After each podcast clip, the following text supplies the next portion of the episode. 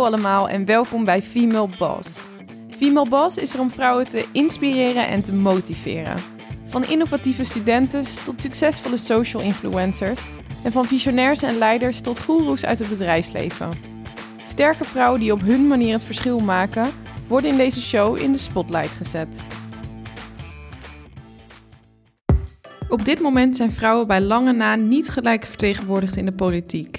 Zo is maar 36% van het Europees Parlement, 30% van de gemeenteraadsleden, 35% van de Tweede Kamerleden en maar 20% van de burgemeesters vrouw. Meer diversiteit in alle vormen en maten in de samenstelling van de politiek draagt bij aan een betere kwaliteit van de democratie, doordat de politieke agenda een betere weergave zal zijn van de onderwerpen die spelen in de samenleving. Daarnaast is zichtbaarheid van vrouwen in de politiek goed voor vrouwenemancipatie. Ze fungeren als rolmodel voor andere vrouwen en meisjes met en zonder politieke ambitie. vandaag spreken wij zo'n rolmodel.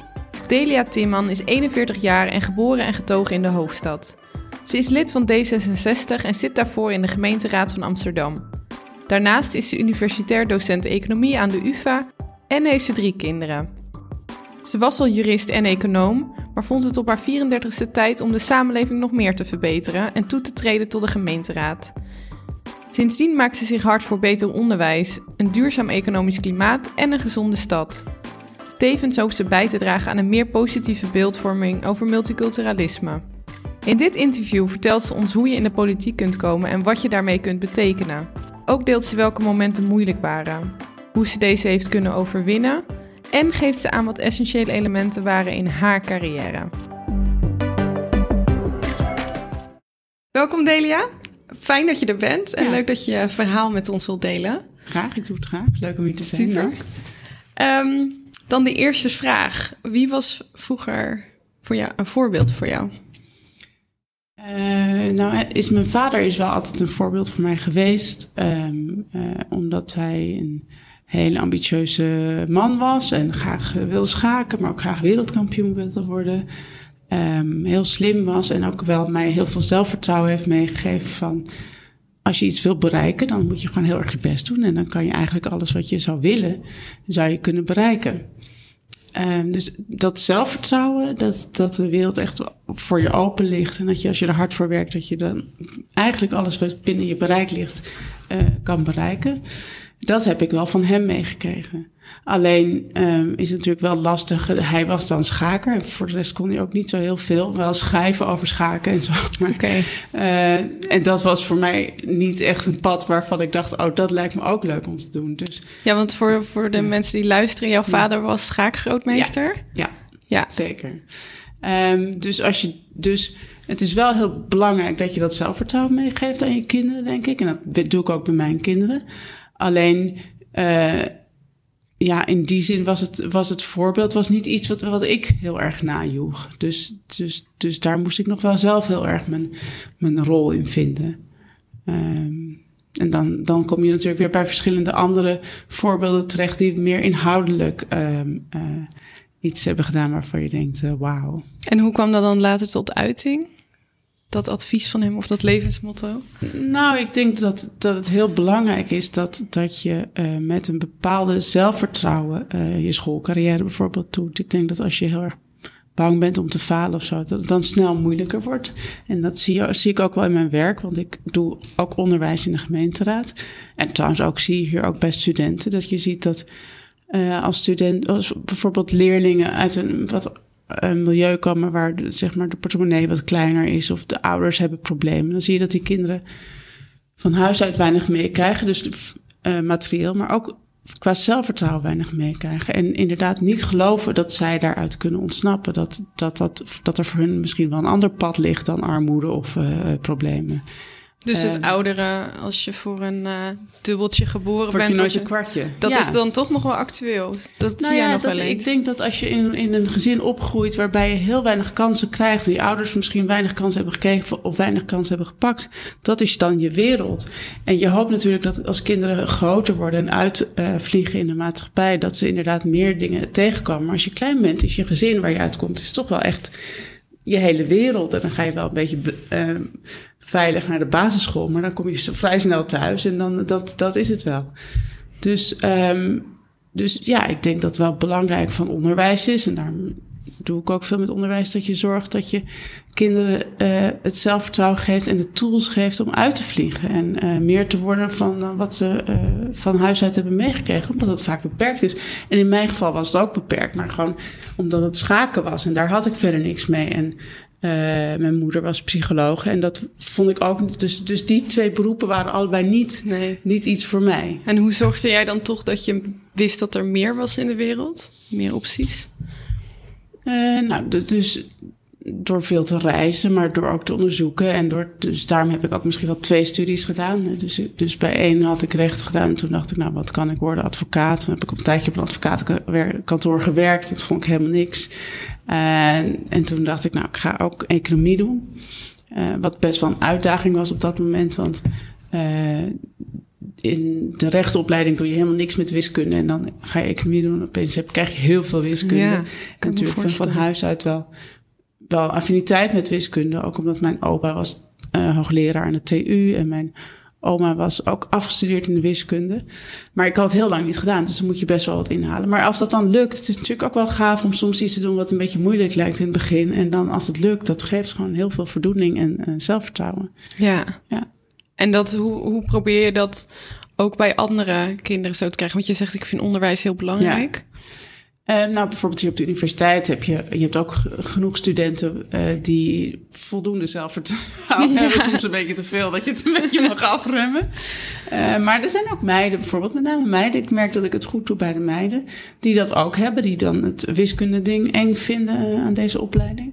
Ja, dan help ik ze daar gewoon doorheen. Zo van, nou ja, dat herken ik, want dat heb ik ook gehad. Maar als je het gewoon een beetje met oogkleppen op gewoon, of met oorkleppen op gewoon gaat proberen en, begint met kleine sommetjes. Op een gegeven moment denk je, hé, hey, en dan, dan lukt het je wel. Dus dat, is, dat is echt een stukje zelfvertrouwen meegeven. Ja, dat probeer je dan direct dus in je college of in je klas zeg maar mee te geven. Ja, Mooi. En dan zie je dat er wel meiden zijn die daar onzeker over zijn, die dat die dat heel erg waarderen, krijg je ook hele mooie e-mails inderdaad. Van, oh, wat eh, goed. Dus ook wel echt de terugkoppeling ja, van het heeft gewerkt. Zeker. En dat zie je dus wel meer dan bij meiden dan bij jongens?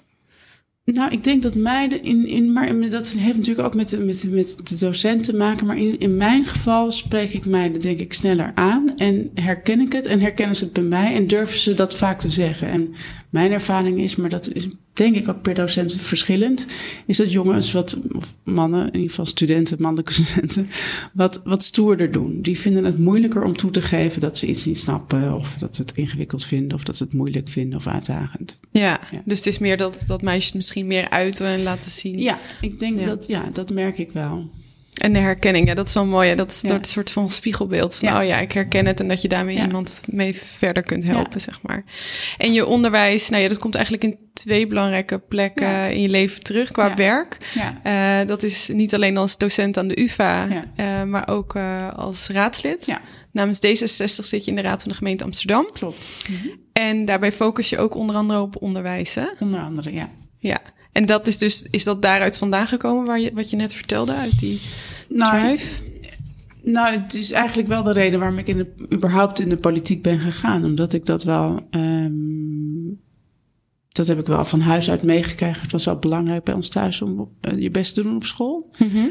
uh, dus, dus dat zat er altijd wel in. En toen had ik mijn eerste, eerste kindje gekregen en die moest dan ook naar een basisschool. En toen dacht ik van jeetje, waar wordt het allemaal geregeld eigenlijk?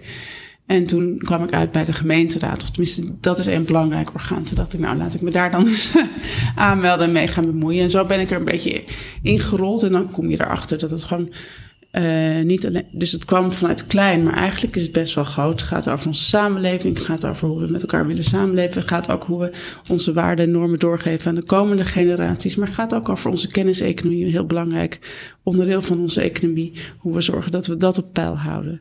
Dus ja, ik zie wel in, in onze maatschappij voor onderwijs wel een grote rol weggelegd. Dus de reden dat je eigenlijk uh, als raadslid bent begonnen, was eigenlijk ook deels praktisch dat je in je eigen leven dacht van hé, hey, ik mis dit, ik zie dit niet terug in de stad. Laat ik daar zelf mee aan de slag gaan. Ja, en dat is ook met politiek. En het is grappig, want ik had toevallig hier laatst een gesprek af met iemand van Vorm voor Democratie, notabene. Oké, interessant. Uh, niet zeg maar mijn natuurlijke bondgenoot, maar wel interessant om ook gesprekken mee te hebben. Um, En die zei, want ik doe ook duurzaamheid in de gemeenteraad. Wat natuurlijk ook gaat over de toekomst en over de uh, volgende generaties en hoe geven we onze aarde door. Uh, en hij zei tegen mij, ja, doe je allebei goed, zei hij, vond hij. Dus een compliment van een vorm voor Heel mooi. Ja. Maar die zei van, maar bij onderwijs zie je dat jij wel echt het vuur hebt. Dat, je, dat het echt van diep van binnen komt.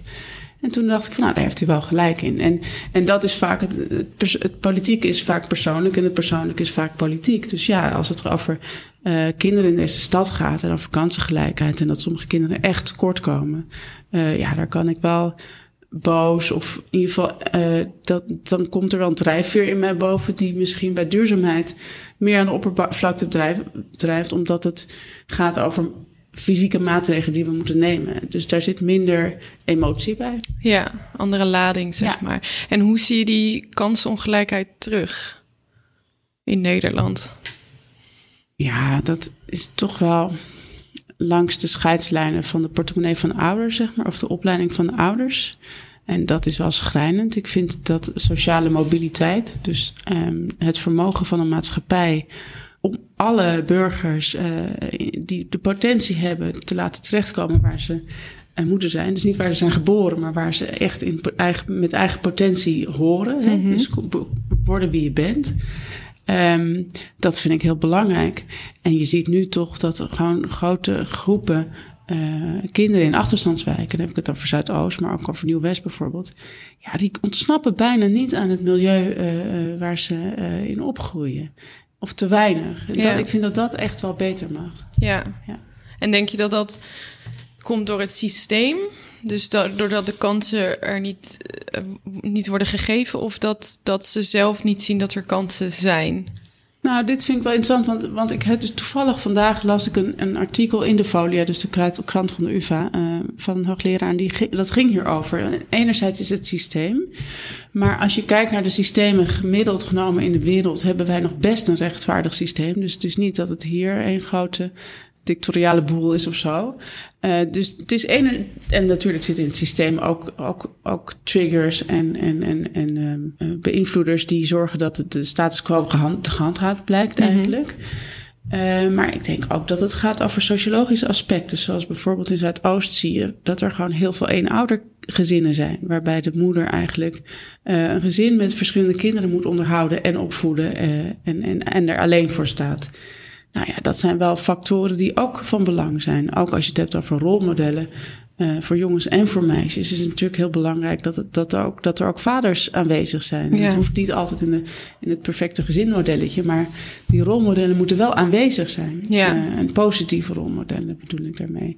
En op dit moment zie je in Zuidoost dat, dat met name van die drill rappers uh, die positie van rolmodel innemen. Ja. En, en daar best wel twijfelachtig in opereren. Ja, want drill rappers, dat las ik laatst ook ja. in het parool. Dat, ja. uh, dat is ja een, een, een soort hype onder de jeugd in ieder ja. geval. Dat er dus uh, jonge jongens beïnvloed worden door uh, oudere jongens die veel geld hebben. En, veel geld, vaak gekregen zijn. door criminele activiteiten. Ze, ze rappen ook over geweld en, en eigenlijk in een ja, geweldsverheerlijkende zin. Dus positief over geweld, uh, positief over uh, materie, maar dan ook echt over hele dure merkschoenen, merkkleding, et cetera. En jonge jongens zijn daar beïnvloedbaar door ja. meisjes ook trouwens, maar dat... Uh, en jij noemde net al even dat het in Nieuw-West en Zuidoost, maar dit komt natuurlijk ook voor in Rotterdam, Den Haag, Zeker. andere plekken Zeker. in Nederland.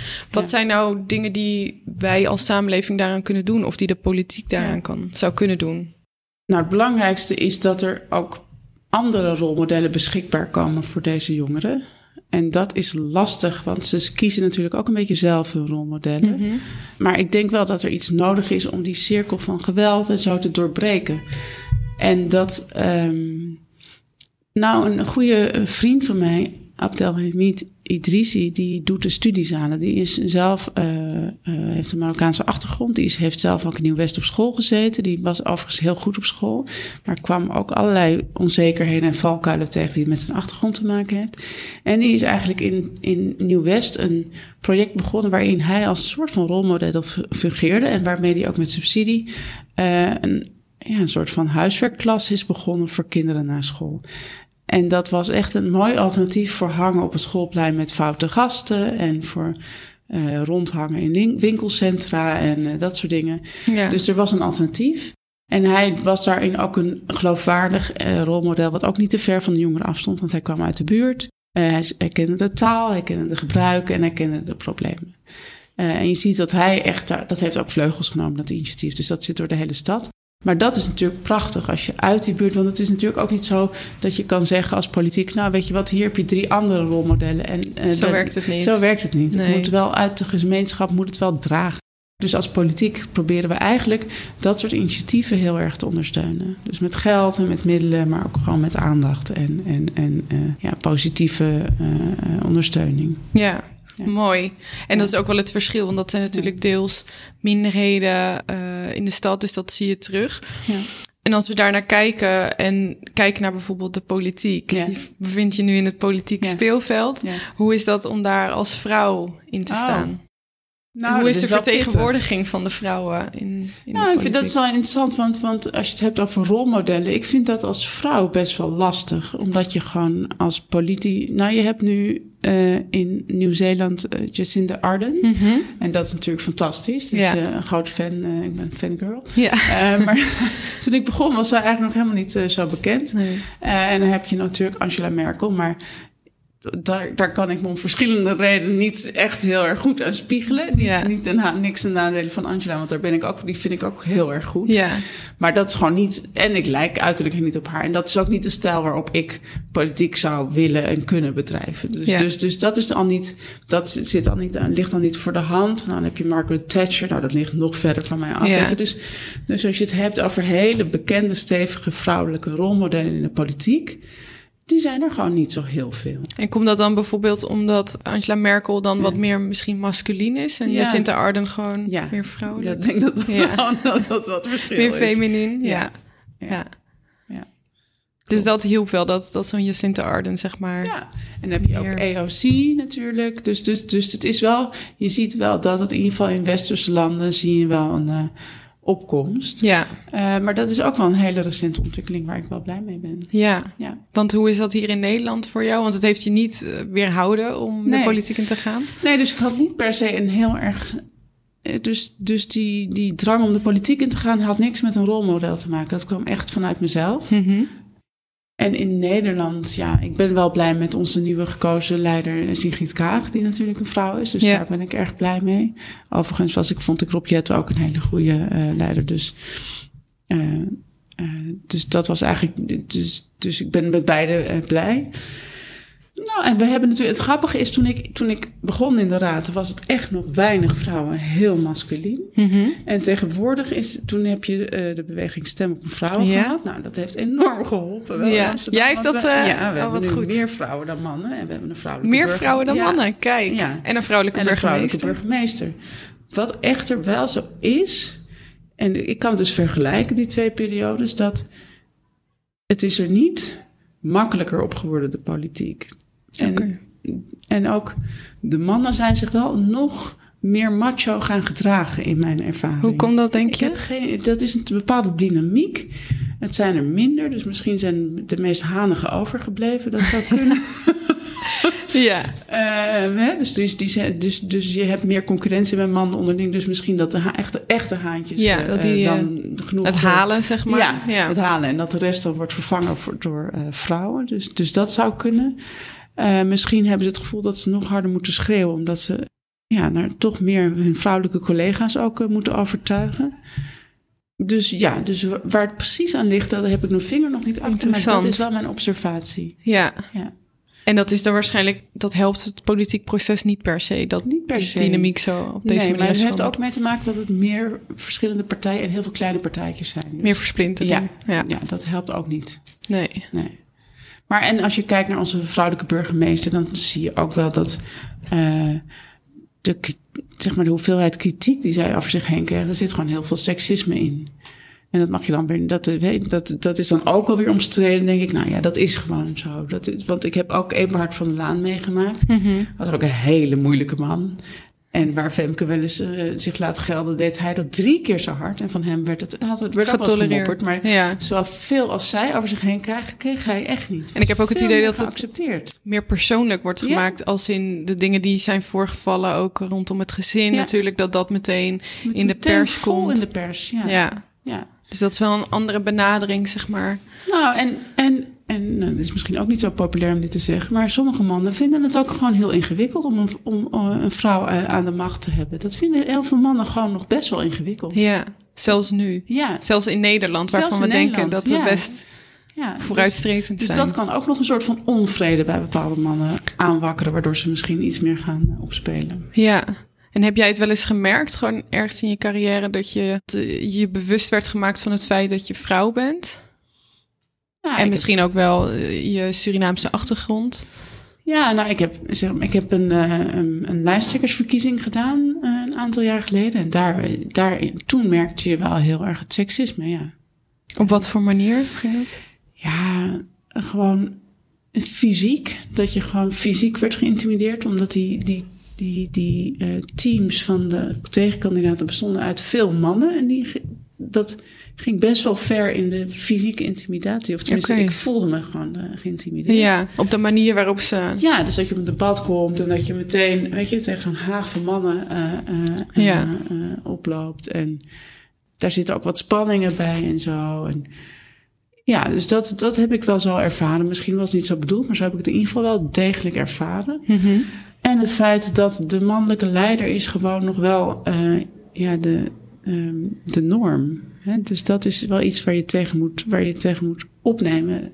Dus je hebt sowieso staat, je staat altijd een beetje achter als hmm. vrouw. En misschien met een kleurtje ook nog wel. Dat, dat zou ook nog kunnen. Ja. Ja. dus dat is nog steeds ook wel het geval. Als mensen aan een leider denken, denken ze in eerste instantie nog steeds uh, gemiddeld genomen aan een witte heteroseksuele man. Ja, ik denk niet dat van ergens in de vijftig. Nee, zeker als je kijkt naar op wereldtoernooi, wat er tegenwoordig weer aan leiders wordt gekozen, dan is dat echt nog steeds het stereotype. Ja. Uh, en zo'n uh, Nieuw-Zeeland is dan echt de uitzondering. Dus ja, je moet het challenge de norm is het. Hè? Je ja. moet het opnemen tegen de norm en dat, dat kost wel. En hoe, hoe doe je Want dat doe jij dus nu, want je bent er gaan zitten. Ook al herkende je niet in de mensen die er zaten en was het intimiderend op momenten. Hoe zorg je dat dat zich voortzet? Dat jij dat blijft, hè? dat je daar energie voor blijft hebben. Maar ook bijvoorbeeld anderen nou, ik denk dat, dat de inhoud uh, uiteindelijk hetgene is wat in de politiek energie kan geven. Dus als je uh, kan samenwerken met, met mensen zoals um, en zulke initiatieven kan helpen groot maken. Of als je uh, zelf een initiatiefvoorstel indient. Um, wat echt werkt in de maatschappij. Bijvoorbeeld, ik heb een initiatief geschreven op een gegeven moment voor gehandicapte kinderen die in Amsterdam recht hebben op vervoer naar school. En zat er in, in een verordening, in de Amsterdamse verordening, zat gewoon een hele gekke regeling dat daar een, een heel strikt kilometercriterium op zat. Terwijl eigenlijk moet je gewoon kijken naar die kinderen en wat ze nodig hebben. Mm dus het kon zo zijn dat de zwaar gehandicapte kinderen die, die echt niet eens achter op de fiets konden, uh, die kregen dan geen vergoeding omdat ze nou, relatief dichtbij woonden. En dan kinderen met oh. wie niks mis is, of die autistisch zijn, maar verder prima kunnen fietsen. Want het ging over speciaal onderwijs, dus een heel spectrum. Ja. Uh, die kregen, omdat ze wat verder woonden, wel een vergoeding. Terwijl die eigenlijk prima op de fiets uh, naar zo'n school konden. Dus je krijgt hele scheve um, ja, uitkomsten van dat beleid. Dus dat heb ik helemaal opnieuw aangepakt. En echt ook in de samenwerking, juist in de samenwerking uh, met de scholen, scholen voor speciaal onderwijs en ouders en de ambtenaren ook in de gemeente. En hebben we een heel mooi nieuw beleid uh, opgemaakt. Wat bijzonder. En dat geeft, ja, dat is de positieve energie die je daarvan krijgt en hoe inderdaad reacties van mensen en hoe dat zo belangrijk is in hun leven. Dat geeft echt weer zoveel voldoende positieve energie. Dan kan je er een ja. tijdje tegenaan, ja. zeg maar. Ja, en hoe denk je dat verder die status quo zeg maar verder gechallenged kan worden? door nou, die verandering. Ik vind dat, het, dat, dat je, als je kijkt naar nee, ik vind. Dus enerzijds zie je, als je kijkt naar Trump en Poetin en uh, um, Boris Johnson, zie je dus een trend naar een beetje de autoritaire, conservatieve, witte oude man mhm. terug. hè? Misschien ook als, als tegenreactie op uh, Obama, dat weet ik verder niet. Maar je ziet ook wel in, in bijvoorbeeld Nieuw-Zeeland. Uh, en in, in Scandinavië is er ergens ook, zit ook een, een, een vrouwelijke PM. Mm en Angela. Dus het, het is niet alleen maar kommer en kwel. Nee. Uh, en zoals de Amsterdamse gemeenteraad, die echt divers is en echt veel en echt goede afspiegeling is van de, van de gemeente. Ook qua diversiteit, zeg maar, van de, van ja. de stad. Ja. Oké. Dus dat het is wel heel mooi. Dus je ziet dat die initiatieven wel helpen. En soms is een backlash. Ja, soms is het een beetje te veel en dan krijg je weer een correctie. Maar ik vind dat we, ik vind dat we het helemaal niet slecht doen. Ik vind ook, dat vind ik soms moeilijk. En daar ben ik het hele racisme-debat en, en, hoe, en, en, en hoe racistisch Nederland zou zijn. Ik bedoel, het is goed dat we erover praten. Tegelijkertijd denk ik, het is zo, zo verhard en zo gepolariseerd. Er is bijna geen, geen redelijke stem meer in het midden. En dat vind ik jammer, omdat ik denk dat Nederland in de basis genomen nog best wel een rechtvaardig land is eigenlijk. En tuurlijk ja. hebben wij misstanden, zoals de toeslagen. Nou, dat is een schande, maar dat komt ook boven water. En er is ook verontwaardiging over, van links tot rechts. Dat mm -hmm. is niet een linksfeestje, dat is, daar heeft iedereen verontwaardiging over. Dus, Jij denkt niet dat die uh, middelen het doel heiligen, zeg maar. Dus door dat harde woord, zeg ja. maar, en tegenover elkaar te gaan ah, staan. Dat je of, daarmee, de, dat je door die discussie zo hard te voelen, dat je dat de enige manier is om vooruitgang te boeken. Goed, kijk, dat, dat, ik weet niet of dat zo is. Misschien dat deze periode waarin het zo hard tegen hard is, leidt, uiteindelijk leidt tot uh, wat meer verzoening en verbetering. Alleen ik zie het nog, nog niet. Nee, je ziet meer polarisering ik nu zie nog. eigenlijk meer, steeds meer polarisering. Maar, en hoe denk je dat dat ja. komt? Want het hard uitspreken tegen elkaar. Nou, social media heeft natuurlijk wel een versterkend effect daarin. Je ziet ook dat, want ik heb dan, die, als je die zaak volgt, uh, um, tegen de bedreigers van Clarice Gaga. Ja. ja. Nou, als je dat leest, wat die mensen verklaren ter, op de zitting, dat gaat heel erg over, ja, ik dacht, ik gooi dit gewoon op in een besloten vriendengroep ja. op Facebook. Ik had nooit gedacht dat dat zo een vlucht zou nemen. Dus ik denk dat, het, dat mensen echt niet beseffen dat als je een keer in de, in de kroeg tegen je vrienden in een besloten gezelschap een racistische grap maakt, waar ik overigens ook niet voor ben. Maar dat dat echt wel iets anders is dan iemand persoonlijk bedreigen op Facebook. Dat, ja. dat, dat, dat, maar ik denk wel dat het dezelfde mensen zijn die dat doen. Dus, ja, dus enerzijds, want dat gaf je ook in een ander interview aan, en ja. van woorden doen ertoe. Ja. En tegelijkertijd uh, is er ook nuance. En moet je elkaar nou, vinden. Je moet elkaar vinden. En ik denk ook, wat ik zelf soms moeilijk vind, want ik heb natuurlijk zelf ook een kleurtje. En in ieder geval een, uh, hal, zeg maar een halve allochtone achtergrond. Um, is dat ik weet dat het er is. Dat is helemaal geen, dat is helemaal niet ter sprake. Het is ook een, en dat, dat vond ik ook mooi in dat stuk van de folia. Het is ook niet iets wat alleen maar witte mannen overkomt. Het zit in alle mensen om te, uh, te discrimineren. En racisme is dan nog net een stapje verder. Maar discrimineren, dus onderscheid maken. Kijk wie er tot je eigen groep behoort en wie niet. Dat, dat doen alle mensen. Het is gewoon onderdeel van ons, van ons hoe, wij overleven. Maar goed, als ik ga solliciteren, dan wil ik, dan is, dan, is, dan is niet de eerste gedachte: oh mijn god, ik word gediscrimineerd, ik ga de baan niet krijgen. Dan is het toch de eerste gedachte. En ik denk dat dat, dat, dat ook de eerste gedachte zou moeten zijn om mm-hmm. überhaupt een kans te maken. Is nou, ik ga gewoon mijn stinkende best doen en ik ga deze baan, ik, dit gaat me lukken, zeg maar. Ja. Hè, dus. En heb je het wel eens ja. anders ervaren? Dus dat, want jij staat er ja. inderdaad zo in, maar heb je ja. wel eens. Ik heb dat zelf ook al, dat je denkt, ook ergens goed van vertrouwen. Ja. Maar heb je wel eens dan tegenovergestelde meegemaakt? Dat je denkt van, oh... Nou ja, ik ben natuurlijk wel eens afgewezen voor een baan. En het valt heel moeilijk te controleren of dat was vanwege mijn kleurtje. En dat, dat weet ik gewoon niet. Nee, uh, nooit in ieder geval bewust dat je dat, je dat mee hebt gemaakt. Dat, dat je om die reden uh, nee. niet alleen een baan niet kreeg... maar dat er op een bepaalde manier werd gereageerd. Nee, en kijk... Dit, en dit is echt een ingewikkelde discussie. Want ik heb dus in. Nee, ik heb dus in, in Nederland en uh, uh, een mooie voortge- basisschool, voortgezet onderwijs, twee studies kunnen doen. Zonder enige, in mijn ogen, belemmering. Nou is het natuurlijk wel zo dat mijn ouders ook allebei hebben gestudeerd. Of trouwens, dat is niet eens waar. Mijn moeder wel, die uit Suriname kwam, mijn vader niet, want die is gewoon gaan schaken. Dus, dus, Je vader uh, was Nederlands. Ja. ja. Uh, dus ik ben niet iemand, zeg maar, die als eerste generatie uit een gezin gaat studeren. Dus, dus dat, daar kan ik niet, uit die ervaring kan ik niet putten. Ik kan Mhm. wel zeggen van, nou, ik heb een andere, of zeg maar, biculturele achtergrond, dat wel. Maar nee, ik heb dat nooit ervaren. Ik heb dus die twee studies kunnen doen met, met, met ik heb wel een beetje studieschuld, maar weet je, dat was allemaal, uh, ja, die kansen liggen er allemaal. Maar je kan je voorstellen dat als je niet uh, uit een gezin komt waarin dat normaal is, of waarin daar al die stappen al een keer eerder zijn gezet, dat Ja. dat heel anders is. Ja, in een, je had een interview met Trouw en Ja. daarin gaf je aan... ehm, je achtergrond zou niet bepalend moeten zijn. Ik hoor zelf ook niet bij een bepaalde groep. Ik ben geboren in een huwelijk tussen twee verschillende culturen. De enige overlap was taal. We woonden in Amsterdam-Zuid, waar ik op een volledig witte school zat. Soms mocht ik niet meedoen omdat ik bruin was. Dat deed pijn. Misschien heb ik wel twee studies gedaan om te bewijzen dat ik het kon.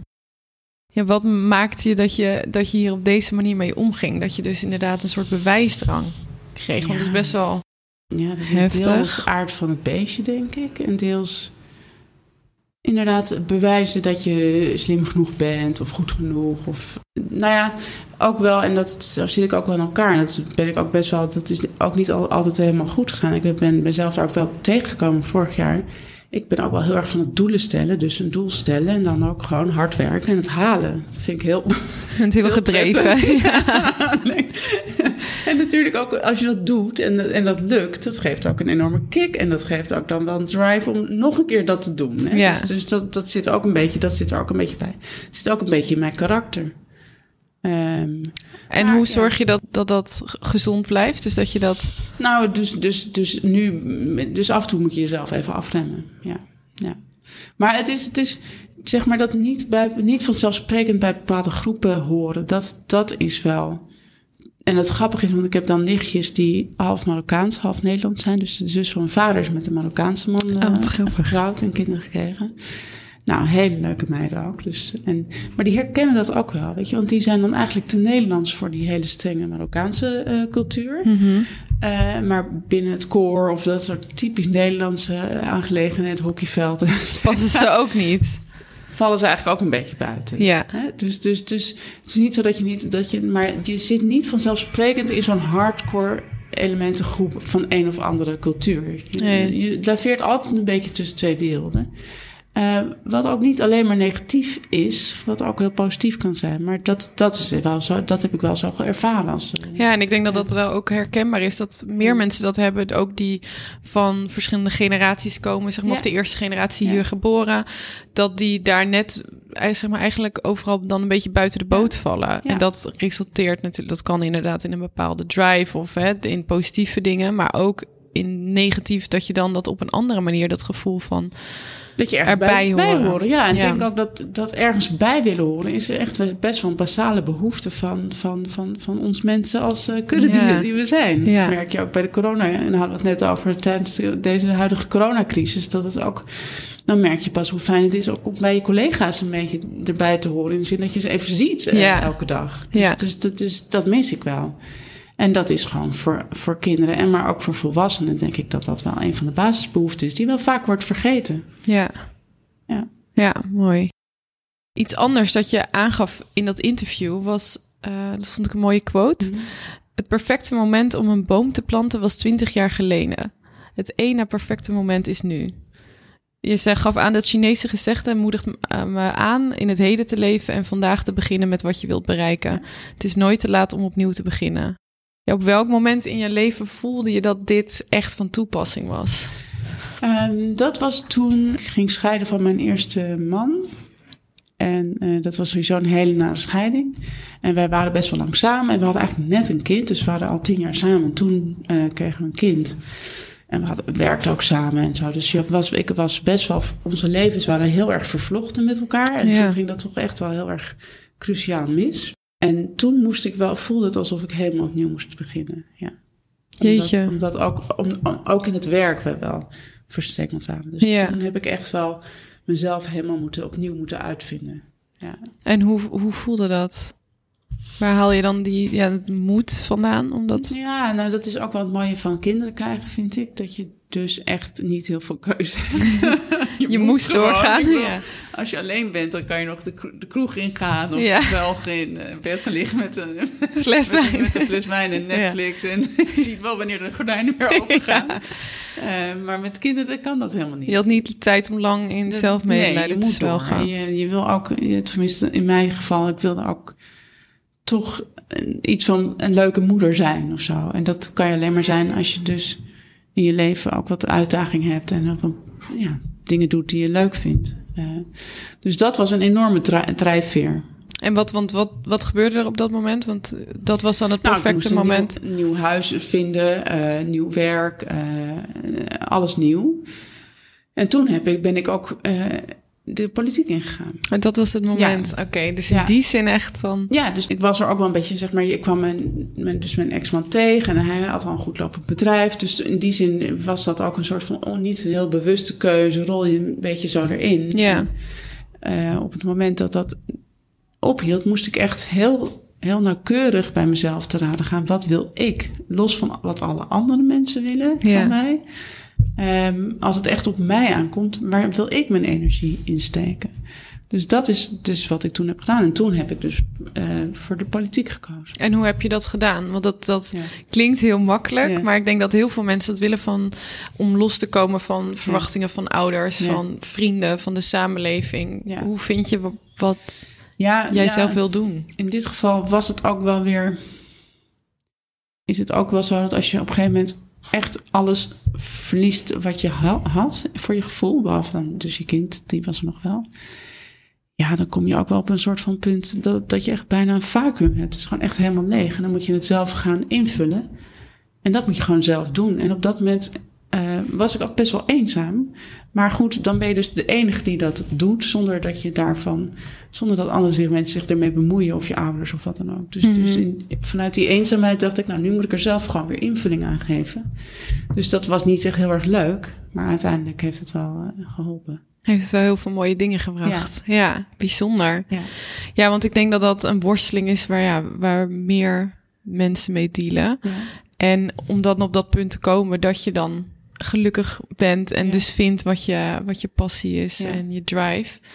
Zou jij zeggen, ben jij nu daar nog mee bezig met jezelf om daar verder op een punt te komen? Of denk je van, nou, ik ben eigenlijk op een plek waar ik me precies nee, voel nee, waar ik zou willen zijn? Het is heel grappig dat je dat zegt. Dat deze podcast komt wel op, want uh, dit patroon herhaalt zich dus wel. En, en niet zo dramatisch als we dus Helemaal niet totaal niet. Nee. Ik ben nu, ben nu gelukkig uh, met, mijn, met mijn partner.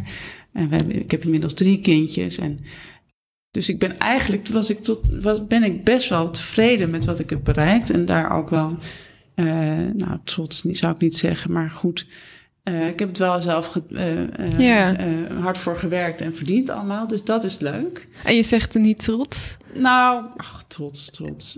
Um, uh, je bent er heel blij mee. Ik ben er blij mee en dankbaar voor, laat ik het zo zeggen. Want het, is ook, het, kan, het kan ook allemaal weer over zijn. Mm -hmm. uh, het leven, niks in het leven is zeker. Dus. Maar het is wel interessant, ik haak erop ja. aan, omdat het denk ik iets is wat vrouwen weinig zeggen. Dat ze trots zijn op wat zij zelf hebben bereikt. Wel. Terwijl je net eigenlijk aangaf van, ik ben op dit punt geweest. Ik ben eigenlijk weer, weer helemaal tot de bodem, tot nul gegaan. En vanaf daar heb ik eigenlijk dit allemaal weer opgebouwd. En ben ik heel blij mee met waar ik ben. En toch zeggen wij dan niet. Dus dat is niet alleen naar jou, maar bescheidenheid, ja. ja. die er echt diep in gebakken ja. ja. Denk ik herkenbaar ja. voor veel vrouwen. Ja. Nou ja, misschien ben ik wel trots op wat ik heb. Dan moet ik dat gewoon onomwonden Kijk, trots heel mooi. maar het is meer dat je... Ik heb ook altijd het besef, dat komt wel uit mijn jeugd. Het kan ook allemaal... Je moet er ook wel zorgvuldig mee omgaan. Denk op het moment dat je dingen te veel voor granted neemt. Dat is, dat is niet goed. Nee. Uh, dus, dus zorgvuldigheid met je... En, ook wel dankbaar zijn voor wat je hebt gekregen. Want je hebt er natuurlijk hard voor gewerkt. Maar tegelijkertijd heb je ook dingen, kansen gekregen. Ja. Het is altijd een samenspel van. Want wat zijn bijvoorbeeld dingen die jou hebben geholpen along the way? Of mensen die jou hebben geholpen? Of in ieder geval iets wat je nodig had. Hoeft niet fysiek te zijn, maar meer nee, nou, een goed gesprek of een nou, motivatie. Ik had bijvoorbeeld een buurman genaamd Luke. Ja. En mijn zoontje heet ook Luke. Oh, wat leuk. Vernoemd. Oh, hij is vernoemd naar hem. Ja. Wauw. Ja. Bijzonder. Ja, en dat was echt zo'n, uh, sowieso met zijn vrouw hoor. En zijn dochter past, was ook mijn lievelingsoppas. Dus, dus het was nauw verbonden. Mooi. Uh, en Luke was wel een voorbeeld. En ook wel inhoudelijk. Want die was en hoogleraar aan de UvA, informatierecht. En voorzitter van de Raad van Bestuur van Elsevier. Uh, dus een grote uitgever, uh, uitgeversbaas, zeg maar zo. Ja.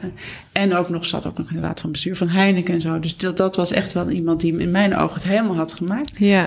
Uh, maar daarnaast ook heel erg menselijk was gebleven. En heel erg, ja, hoe noem je dat? Medemenselijk. Dus heel erg zorgzaam voor zichzelf, maar ook voor zijn omgeving. En hij is dus ook iemand met wie ik regelmatig nog een gesprek voer over, goh, wat vind je? En beetje co- coaching-achtig Ja. gesprek. Hè? Dus, Ja. dus als je het hebt over rolmodellen, dan is hij wel, is hij daar wel een En op welk sterke. Punt is hij daarin belangrijk geweest bij jou? Oh, en dan zeg ik van, nou, ik zit hier en daar. Dus bij, bijvoorbeeld toen ik de politiek in wilde, zei ik van, nou, ik wil graag de politiek in. Zei nou, oké, en eh, hoe zie je dat voor je? En toen zei ik van, nou, Den Haag of Amsterdam. Zei ik, nou, je hebt hele kleine kinderen. Begin maar gewoon eens een keertje in Amsterdam. Weet je, dus, dus Ja. dat soort... eh, een beetje bijschaven en eh, eh, tips geven. Of dat, dat ik dan zei van... Oh, op een moment dat ik echt dacht van... Oh, ik, word echt, ik ben echt verschrikkelijk in de maling genomen. Om het maar eventjes netjes Ja, ja, ja, ja. politiek zeg, ik ben genaaid. Ja. Maar ik dacht, en ik- dan heb ik hem ook wel eens opgebeld in alle woede. Zei hij van, nou ja, dan moet je gewoon even zo en zo doen. Dus ja, gewoon een wijze Dus- man die van alles heeft meegemaakt. En, eh, Dus hij kon een luisterend oor bieden, maar hij durfde ook Advies. realistisch te zijn. Ja. Zeg, ja, naar jou in de zin omdat je net aangaf ja. over de politiek, dat hij zei van begin in Amsterdam, weet je, je hebt kinderen. Ja. En dat nam je ook van hem aan. Zeker, zeker. Ja. Je hoort vaker van dat het goed is om, om zo'n persoon een, een mentor ergens te het. hebben. En dat het is mooi dat je dit noemt. Want ik denk dat het, eh, heb ik zelf ook, want dan denk je, ja, mentor, waar vind je die? Ja. Terwijl jij eigenlijk nu, nu benoemt dat het je buurman Ja. was. Dus het Ja. kan overal zitten. Het hoeft dus niet per se in jouw eigen werkveld te zijn. Nee, nee, zeker Eh, niet. Ja, heel bijzonder. Ja. Mooi. Dus, dat is, dus dat, dat is wel iemand die. En ook wel met een enorme wijde blik en een goed netwerk. Dus dat is wel iemand die. Maar goed, het is ook. Het is dus kansen krijgen, maar ook pakken. Het is tweeledig, weet je. Want ik kies er ook voor om hem te bellen en dat actief te Ja. vragen. ja. Mijn broer, mijn broer doet dat bijvoorbeeld niet. Die is daar veel, veel meer gesloten in. Terwijl het Ja. helpt wel echt. En wat, wat heb jij dan in je hoofd om ook naar andere vrouwen die luisteren van... Ja. wat is dan het dingetje dat je denkt, ik ga het toch doen? Want ik kan me voorstellen dat jij ook af en toe een twijfelmoment hebt... of dat je er inderdaad denkt van, moet Ja. ik dit doen? Wat maakt dan dat je in je hoofd zegt van, nou, ik doe het toch? Je bedoelt om advies te vragen of hulp te Ja, of- vragen? of om een bepaalde stap te nemen. Kijk, om een bepaalde stap te nemen is heel belangrijk. En dan is het ook heel belangrijk om advies te krijgen wat wel eerlijk is, maar wel onafhankelijk. Dus, dus vriendinnen zijn vaak daarin. Het is belangrijk om zaken met ze te bespreken, maar zijn gewoon niet altijd de beste raadgever. Nee. die geven om je. En die, Ja, die hebben willen- zelf ook emoties Ja. en weet ik veel. Dus ze spelen altijd van allerlei dingen mee. Dus, Ja. dus, eh, dus het is eigenlijk belangrijk als je een belangrijke stap wil maken... om het juiste advies in te winnen. Eh, en dan is het belangrijk dat je netwerk een beetje op orde hebt. Ehm, en hoe doe je dat? Ja, dat is misschien ook wel iets wat ik van nature heb of zo. Maar dat gaat ook een beetje om af en toe iemand opbellen en van zeggen van... joh, heb je een half uurtje voor mij? Eh, en dan ook misschien een bloemetje mee te nemen of een flesje wijn Ja. of zo. Dat het, eh, en zorgt, dus probeer in- binnen je mogelijkheden om, om te zorgen dat er een bepaalde wederkerigheid in zit ook. En dat hoeft niet altijd, maar goed dat het ook voor de ander interessant en leuk is om, om een beetje advies te geven. Ja. Geef, vertel even wat je ermee hebt gedaan. Of, eh, of als het een succes is geworden, laat dat dan ook even weten. Ja, en ik denk dat het heel mooi is wat jij zegt van ook om dat te durven zeggen van heb je een half uurtje voor Ja. mij? Dat omdat iemand dan weet van ik kan iemand nu helpen en Ja. ik kan ervoor kiezen of het eh, of ik dat nu ga doen, of ik daar zin in heb of niet. Ja. En dan dat is ja meer helder denk ik dan dat je zegt van hé laten we afspreken en dat je dan vraagt en dan indirect eigenlijk zou willen nee, weten, nee. beter je moet er- direct. je moet er, je, ik, of tenminste, dat is mijn manier en dat werkt wel. Dus als je graag iemand wil, want ik heb nog meer mensen met wie ik dit, ik heb onlangs toevallig iemand gehad. Dus dan vraag ik gewoon heel direct van, goh, heb je, ik heb even wat discreet advies nodig. Heb je even een half uurtje voor mij? En dan, en, nou, sommige mensen hebben het heel erg druk. Mhm. Maar dit is ook een toevallig een iets oudere eh, persoon, die had ook gewoon tijd. Ja, Eh, die, die, meestal als mentoren, het is ook fijn als ze van een andere generatie zijn. Ook omdat ze het ervaring hebben. Dus ze hebben het allemaal een keer meegemaakt. Ze hebben alles al een keer gezien. ja, Eh, en ze hebben vaak wat meer tijd. En vinden dat ook wel leuk om te doen. ja. Ja. Mooi, mooi. Ja. Wat zou jij tegen je jongeren zelf willen zeggen als je terugkijkt nu? Wat had jij willen weten toen jij jonger was? Ja, dat vind ik wel moeilijk. Ja, zo van het komt allemaal wel goed. Ja, Ja, denk het wel. Ik, wat, ik, wat, wat, wat in mijn, in mijn jeugd. Ehm, en ik ben een beetje terughoudend, want mijn moeder vindt het heel vervelend. Maar mijn moeder is heel ziek geworden op een gegeven moment. En ik heb daar vaker wat over gezegd. Nou, dat, dat vindt ze heel vervelend. Dus dat doe ik ook minder, of eigenlijk helemaal niet meer. Maar ehm, als je wat jonger bent, kunnen dingen echt op je afkomen. Uh, die, en die lijken dan echt onoverkomelijk. Het lijkt echt super groot. Um, en dat doe ik eigenlijk ook een beetje nu met mijn eigen kinderen. Want die hebben natuurlijk ook wel eens dat er dingen gebeuren. Of op school gaat niet lekker. Of met ons gaat er is iets. En als je wat ouder bent, dan zie je van, oh, het gaat ook weer over of zo. Weet je, dan kan je het beter in de tijd plaatsen. Ja. Dus als je jong bent en het komt voor de eerste keer, komt er iets op je af wat moeilijk is. Of waar je overstuur van raakt. Of weet ik veel, wat, waar je toch een beetje paniek van krijgt kan je heel moeilijk inschatten in de tijd van nou, op een gegeven moment hè, is dit over en dan wordt het allemaal weer wat rustiger en wat makkelijker. Ja. Ik vind dat ook als ouder, dus, dus als je het hebt over jongeren zelf, maar eigenlijk is dat ook dus wat je probeert met opvoeden. Ja. En dan ga je weer andere, gaan er weer andere dingen helemaal mis, maar goed, dat hoort erbij. Ja. Um, is dat je probeert um, die rust te bewaren in de zin dat je de tijdspad kan voorzien. En dat je veel beter kan inschatten dat het iets tijdelijks is, wat op een gegeven moment ook wel weer opgelost wordt. Of soms lost het zichzelf op, of soms wordt het door een ander opgelost. Maar uh, dat je dus die, de, die relatieve tijdspad mee kan geven, wat voor een jongere moeilijk is om te overzien. Ja. Dus dat had jou toen geholpen, zeg maar, als je dat als jongere al had geweten, had je dan minder zorgen gemaakt. Ja. Ja. Ja. Dus dat, dat is een mooie om nu door te geven. Dat is met kinderen natuurlijk mooi. Dat ja. lessen die je zelf Ja. hebt geleerd, die je dan kunt doorgeven. Dat is een van de leukste dingen van kinderen. Mooi. En wat voor advies zou je andere vrouwen geven die een carrière als jou ambiëren? Dus bijvoorbeeld politiek? ook in de politiek zouden Of willen de gaan. UvA? Ja, een van de. Nou, wat, wat ik bij de UvA wel leuk vind, is dat in eerste instantie toen deze opleiding net werd uh, gestart, toen heb ik een brief gestuurd. En toen met cv, toen werd ik niet eens uitgenodigd. En toen heb ik het twee jaar later, geloof ik, nog een keer geprobeerd. En toen had ik een gesprek van een half uurtje en toen was, was, Oh, was ik het aangenomen. dus geef ook niet te snel op. Nee. Eh, en, en heb je ze daarop, heb je dat toen besproken? Nee, dat Wisten ze? gaan. Ja. Want goed. zullen zij dat hebben geweten? Dat is ook Nee, een interessante. Nee. niet. nee, ik denk, Daar zat, er zat wel wat tijd tussen, zeg maar. Ja. Maar, en nog even terugkomend op die racisme-discussie. Dus was het die eerste afwijzing? Weet je, het is zo moeilijk om te peilen. En dat weet je ook als je aan de andere kant van het sollicitatieproces zit. Dus er spelen zoveel factoren mee. Ja.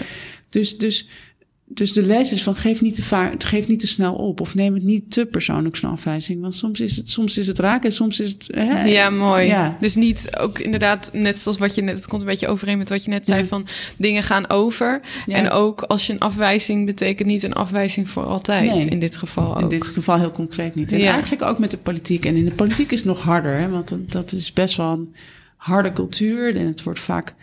En dan met name mannen die dan keiharde persoonlijke kritiek geven. Ja. En dan met een disclaimer: je moet het niet persoonlijk Nee. opvatten. Als mensen dat beginnen, dan weet je altijd dat er iets persoonlijks komt. Oké. Ja. Eh, dus, dus ook daarvan denk ik van ja, probeer toch ehm, dat soort dingen toch een beetje naast je neer te leggen en gewoon door te gaan. Niet, eh, en dat is dus met dat zelfvertrouwen waar ik mee begon. Eh, Ja. Dus dat heb ik wel van mijn vader geleerd. Want die heeft natuurlijk ook, om zo ver te komen, heeft hij ook honderden partijen verloren. Ja. Het is niet alleen maar winnen om zo ver te komen. Je moet Dus ook, ook heel doorzetten. vaak verliezen. Ja. En dan nog een keer achter dat bord gaan zitten. ja. En nog een keer proberen. En dat is dus in de praktijk ook, zeg maar. Nou, dat is In- dus in, in het, leven, leven, zo. ja. Ja. En mensen praten graag over het succes, maar iedereen heeft natuurlijk wel. Ik bedoel, eh, zelfs eh eh schaakkamp, wereldkampioenen hebben ook honderden partijen verloren in hun leven. ja. En dat heb je ook nodig om ergens te komen. Dus dat, dat- doorzetten, los van dat hij zei van... Doorzetten, ja. ga doen wat je zelf wil, weet je Ja. wel. Vorm je eigen toekomst. Was Ja. dus ook dat doorzetten een hele belangrijke factor. Wat jij zag in ieder geval aan hem, dat, hij altijd door. ja, want dus zeg maar, wat je, je kan alles doen, dat was, heeft hij heel expliciet gezegd. Maar goed, hij was dus ook een out-of-the-box denker, denker, want hij kwam wel uit een keurig academisch milieu, maar hij ging gewoon niet Ja, wat hij zelf leuk. Dus, dus hè, heel, heel vrij daarin. Dus dat was echt expliciet.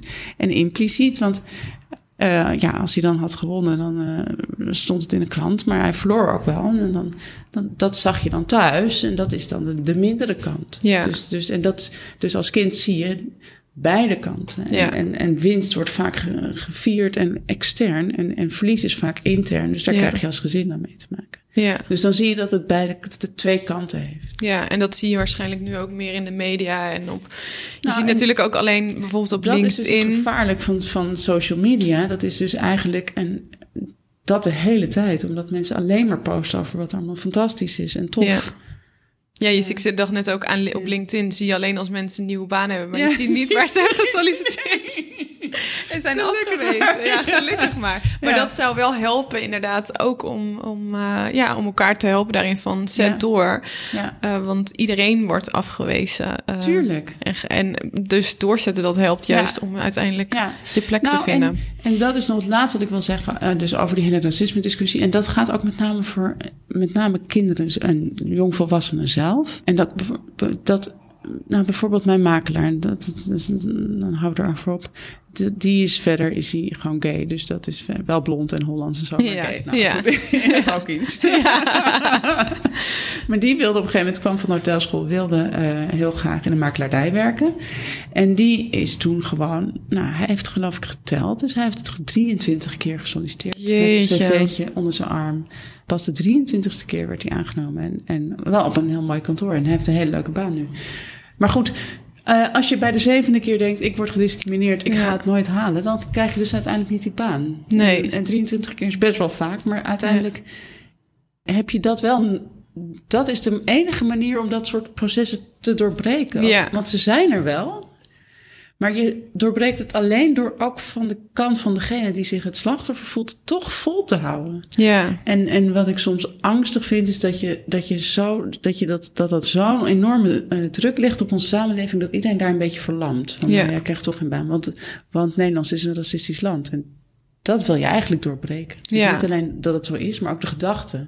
Ja, want als mensen eenmaal op die plekken zitten, dat ze ook dat, Dat intern is- kunnen veranderen. Precies. Ja. En dan zien mensen, en dan veranderen vooroordelen ook langzaam. Want dan zien mensen, oh, wacht even, we hebben, we hebben er een eentje binnen. Ja. En die doet het hartstikke goed. Ja. Dus het is iets, ja, dat, dat is wel iets wat moet veranderen. En dat gaat alleen, denk ik, als mensen ook op een gegeven moment dat even los durven te laten en gewoon durven door te zetten. En Ja. die sollicitatie nog een keer te Dus omzetten in motivatie. ja. Die frustratie eigenlijk. Ja, ja. En, en, en dus niet verlamd raken. Want je ziet ook heel vaak mm, ehm, mensen die dan denken van... nou ja, ik word nu racist genoemd. Die dat zich niet, en die daarin ook helemaal verlamd zijn. En, en eigenlijk niet meer weten hoe ze terugkomen naar de andere kant. Terwijl Ja. ze eigenlijk niet een racist willen zijn, om het zo Nee. maar eens te zeggen.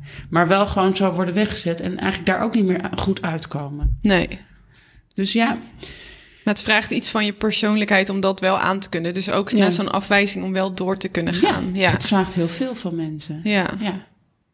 Maar jij denkt het is nodig om, om uiteindelijk tot verandering ook door Nou ja, te wat, kunnen. uiteindelijk, weet je, wat, wat voor samenleving wil je bereiken? Wil je, je wil het liefst een samenleving waarin, waarin die sociale mobiliteit, beide kanten op, hè? Dus, Mhm. niet, dus, dus eigenlijk dat die geolied gaat, zonder vooroordelen en hokjes en zo. Hè? En dat, dat is heel moeilijk hoor, dus, dus dat zal nooit helemaal eh 100% vrij zijn. Maar je wilt dat zo vrij mogelijk hebben.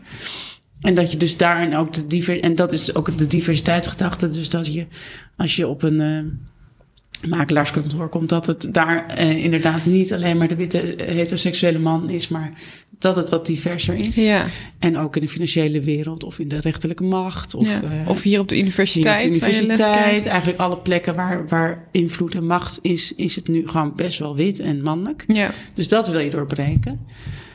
En dat doorbreek je alleen maar doordat af en toe mensen eh, iemand die er anders uitziet een kans geven. En doordat mensen die er anders uitzien of iets anders zijn, blijven proberen. ja. Dus bij, aan beide kanten heb je dus iemand nodig. Dus de doorzetters en de mensen die, die durven, mensen die niet op hunzelf lijken, een kans te geven. Dus dat kan inderdaad ook zijn, bijvoorbeeld in de zorg waar veel vrouwen zitten, om een man een Ja. kans te geven. Of in het lager onderwijs. Ja. Ja. Ja. En dus die mensen die dat durven, en daar heb je inderdaad best wel wat doorzettingsvermogen en ook wel out of the box denken en durven voor nodig. ja. Ja. Mooi. Ja. Ja, super inspirerend en leerzaam. En je bent, bent natuurlijk uitgenodigd omdat wij jou een female boss vinden. Oh, en eh, heel leerzaam om je nu zo te spreken. Ja. Ik ben heel benieuwd van welke female boss zou jij haar verhaal willen horen? Oh. Doe maar Samira Rafaelia. Samira Rafael, ja. zij is Wie is ze? D66-parlementariër in eh, Europa. Wauw, Ja. mooi. En jij kent haar ook vanuit de partij? Ja, Te gek. Ja. Mooi. En zij heeft een verhaal, mooi verhaal om te delen. Nou, ik vind wel dat hoe zij dat heeft gedaan, dat is wel bijzonder. ja, En zij om heeft- op die plek Ja, te komen. Zeker. Dus als, zij, als je haar kan strikken, dan heb je echt een, denk ik dat je een goed verhaal hebt. Te gek. Ja. Oké. Heel erg bedankt, Elia. Super fijn dat je al jouw levenslessen met ons wilde delen. En eh, zet hem op, we gaan je volgen. Ja, Dankjewel. leuk, leuk om hier te zijn. Dank.